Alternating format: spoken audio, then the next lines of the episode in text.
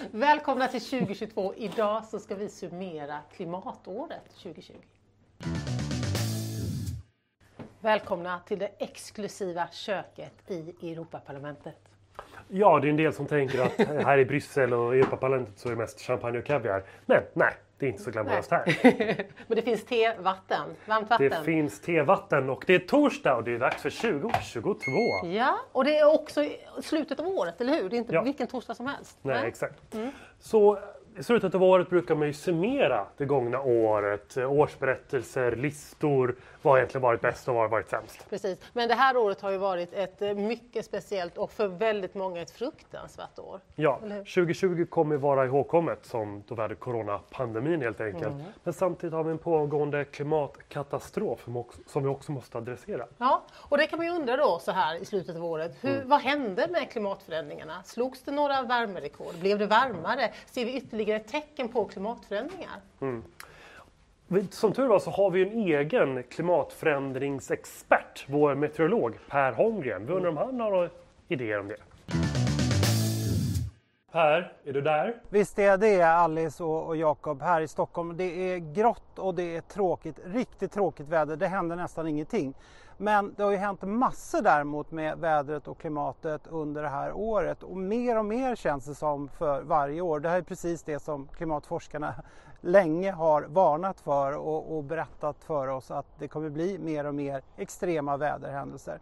Och för det här året så har jag hittat tre saker som sticker ut lite extra mycket. Så jag tänkte göra en liten tre i topplista. Är ni med? Tre saker.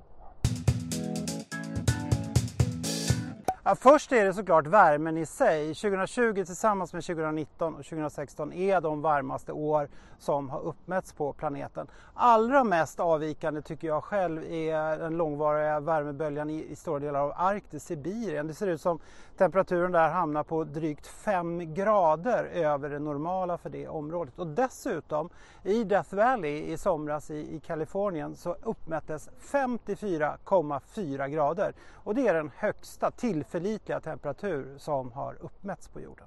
Och för det andra så är det återigen skogsbränderna, inte bara då i Kalifornien och Sibirien utan Brasilien och Australien som under två år i rad nu har haft helt förskräckliga skogsbrandssäsonger. Och Världsnaturfonden tror att det är så mycket som uppemot 3 miljarder djur som har tvingats bort från sina naturliga områden och många av dem har såklart också dött i bränderna.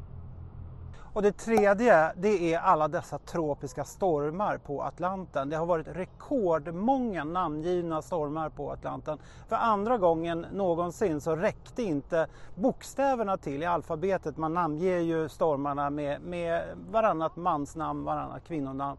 Och för andra gången fick man då börja använda grekiska bokstäver som reserver.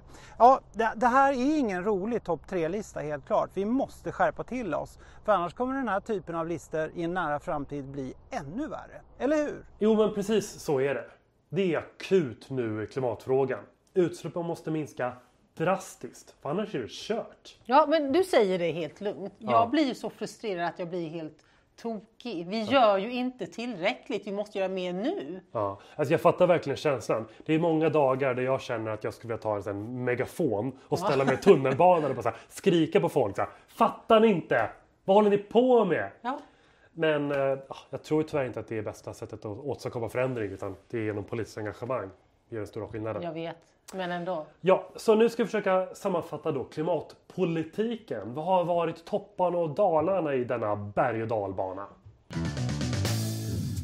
Jo, men nå- någonting som hänt är att allt fler världsledare pratar om klimatfrågan på ett mer allvarligt sätt. Bara här om veckan så FNs eh, generalsekreterare Antonio Guterres uppmanar nu alla världens ledare att utlysa klimatnödläge. Det är ju visserligen ingenting som minskar utsläppen i sig självt då. En del eh, länder som utlyst klimatnödläge har sedan inte följt upp det med eh, en vettig klimatpolitik. Men ändå ett viktigt första steg. Men det är ju signalpolitik.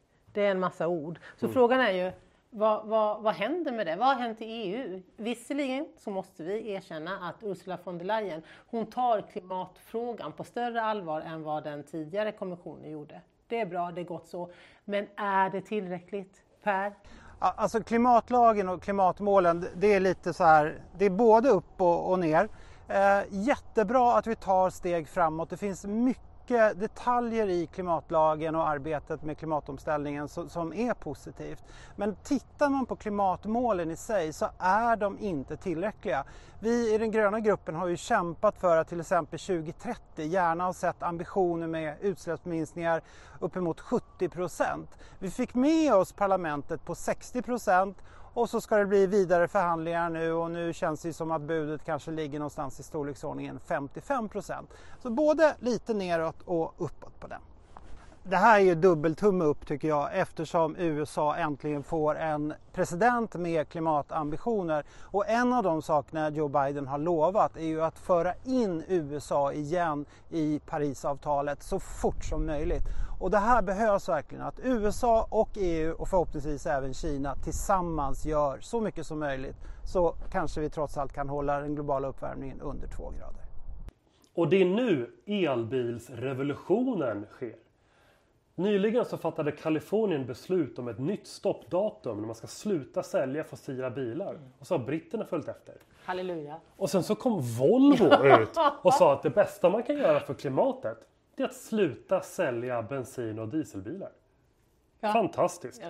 Så nu ser vi statistiken att både i Sverige och Europa så säljs det elbilar som aldrig förr. Ja, men detta Volvo, det är ju helt mm. otroligt. Det hade man ju inte trott om någon sa för fem år sedan att, att eh, deras högsta ledning skulle gå ut med sådana budskap. Så det är mm. otroligt bra. Inte minst med tanke på att transportsektorn står för en fjärdedel av EUs klimatutsläpp. Så det här är eh, inte en dag för tidigt. Men vet du, vi pratar och pratar. Är ni kvar?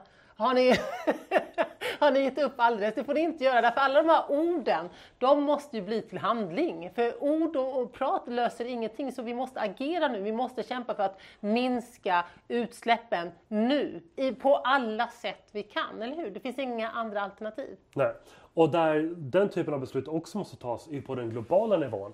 Och om ett par veckor så är det dags för nästa klimattoppmöte. Den här gången digitalt på grund av coronapandemin. Men vi hoppas ändå att man ska kunna komma framåt i det mm. globala klimatarbetet. Ja, vi måste framåt. Och nu är det slut för idag. Det här kan, är det här sista 2022 för i år? Ja, det kan komma en liten överraskning där mot slutet av året. Vi får se. så håll utkik och glöm inte att prenumerera. Precis.